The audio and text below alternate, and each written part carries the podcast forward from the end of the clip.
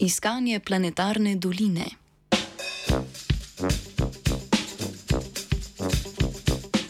Mednarodna raziskovalna skupina je v članku, objavljenem v reviji The Astrophysical Journal Letters, preučevala nastanek planetarnih sistemov. Poskušala je ugotoviti, zakaj je večina eksoplanetov ali planetov drugih zvest velikosti superzemelj in mini Neptunov, medtem ko je planetov umestne velikosti znatno manj. Skupina je na podlagi simulacij ugotovila, da vzrok za to tiči v migraciji planetov, torej spreminjanju orbit planetov, ki lahko povzroči trke med njimi. Od začetka opazovanj smo našli že več kot 5000 eksoplanetov. Če bi vse eksoplanete razvrstili po velikosti, bi opazili dve izraziti velikostni skupini planetov. Planeti v prvi velikostni skupini so tako imenovane superzemlje, ki so nekoliko večji od Zemlje in so po sestavi kamniti.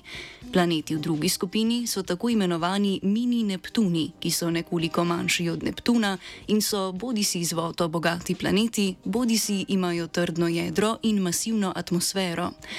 Planetov umestnih velikosti je zelo malo, zato območju med tema dvema skupinama pravimo dolina polmerov.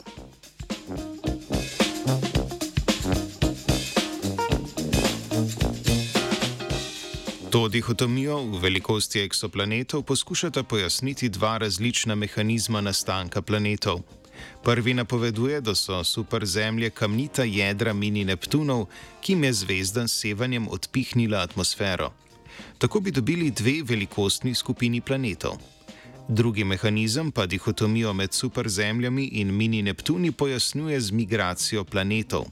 Slednjemu se je posvetila raziskovalna skupina v študiji. Raziskovalna skupina se je preučevanja nastajanja planetov lotila z računalniškimi simulacijami protoplanetarnega diska, disk plina in prahu okoli zvezde, iz katerega nastanejo planeti. S preminjanjem parametrov simulacije, kot je naprimer gostota snovi v disku, so raziskovalci in raziskovalke poustvarili planetarne sisteme, ki vsebujejo le kamnite, le z vodo bogate ali oba tipa planetov. Na to je skupina preverila njihovo stabilnost.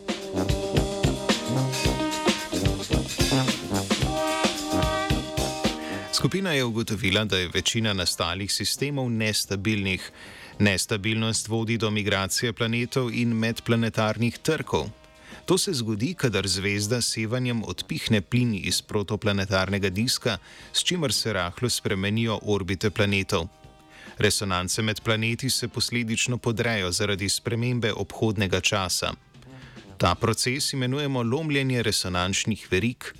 Orbite postanejo nestabilne, kar sproži migracijo planetov v nove, stabilnejše orbite. V tem procesu lahko pride tudi do trkov med planeti. Ob trku lahko planet izgubi svojo prvinsko atmosfero, prav tako lahko pridobi ali izgubi maso, kar vpliva na velikost planeta. Skupina je primerjala rezultate simulacij z opazovanimi rezultati porazdelitve velikosti planetov. Dolino polmerov so opazili le v sistemih, v katerih nastanejo tako kamniti kot z vodo bogati planeti. V stabilnih sistemih skupina ni opazila doline polmerov.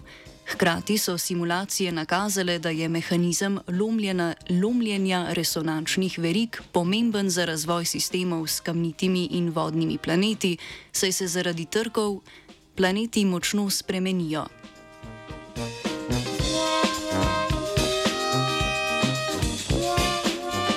V dolino polmerov je zašel Oskar.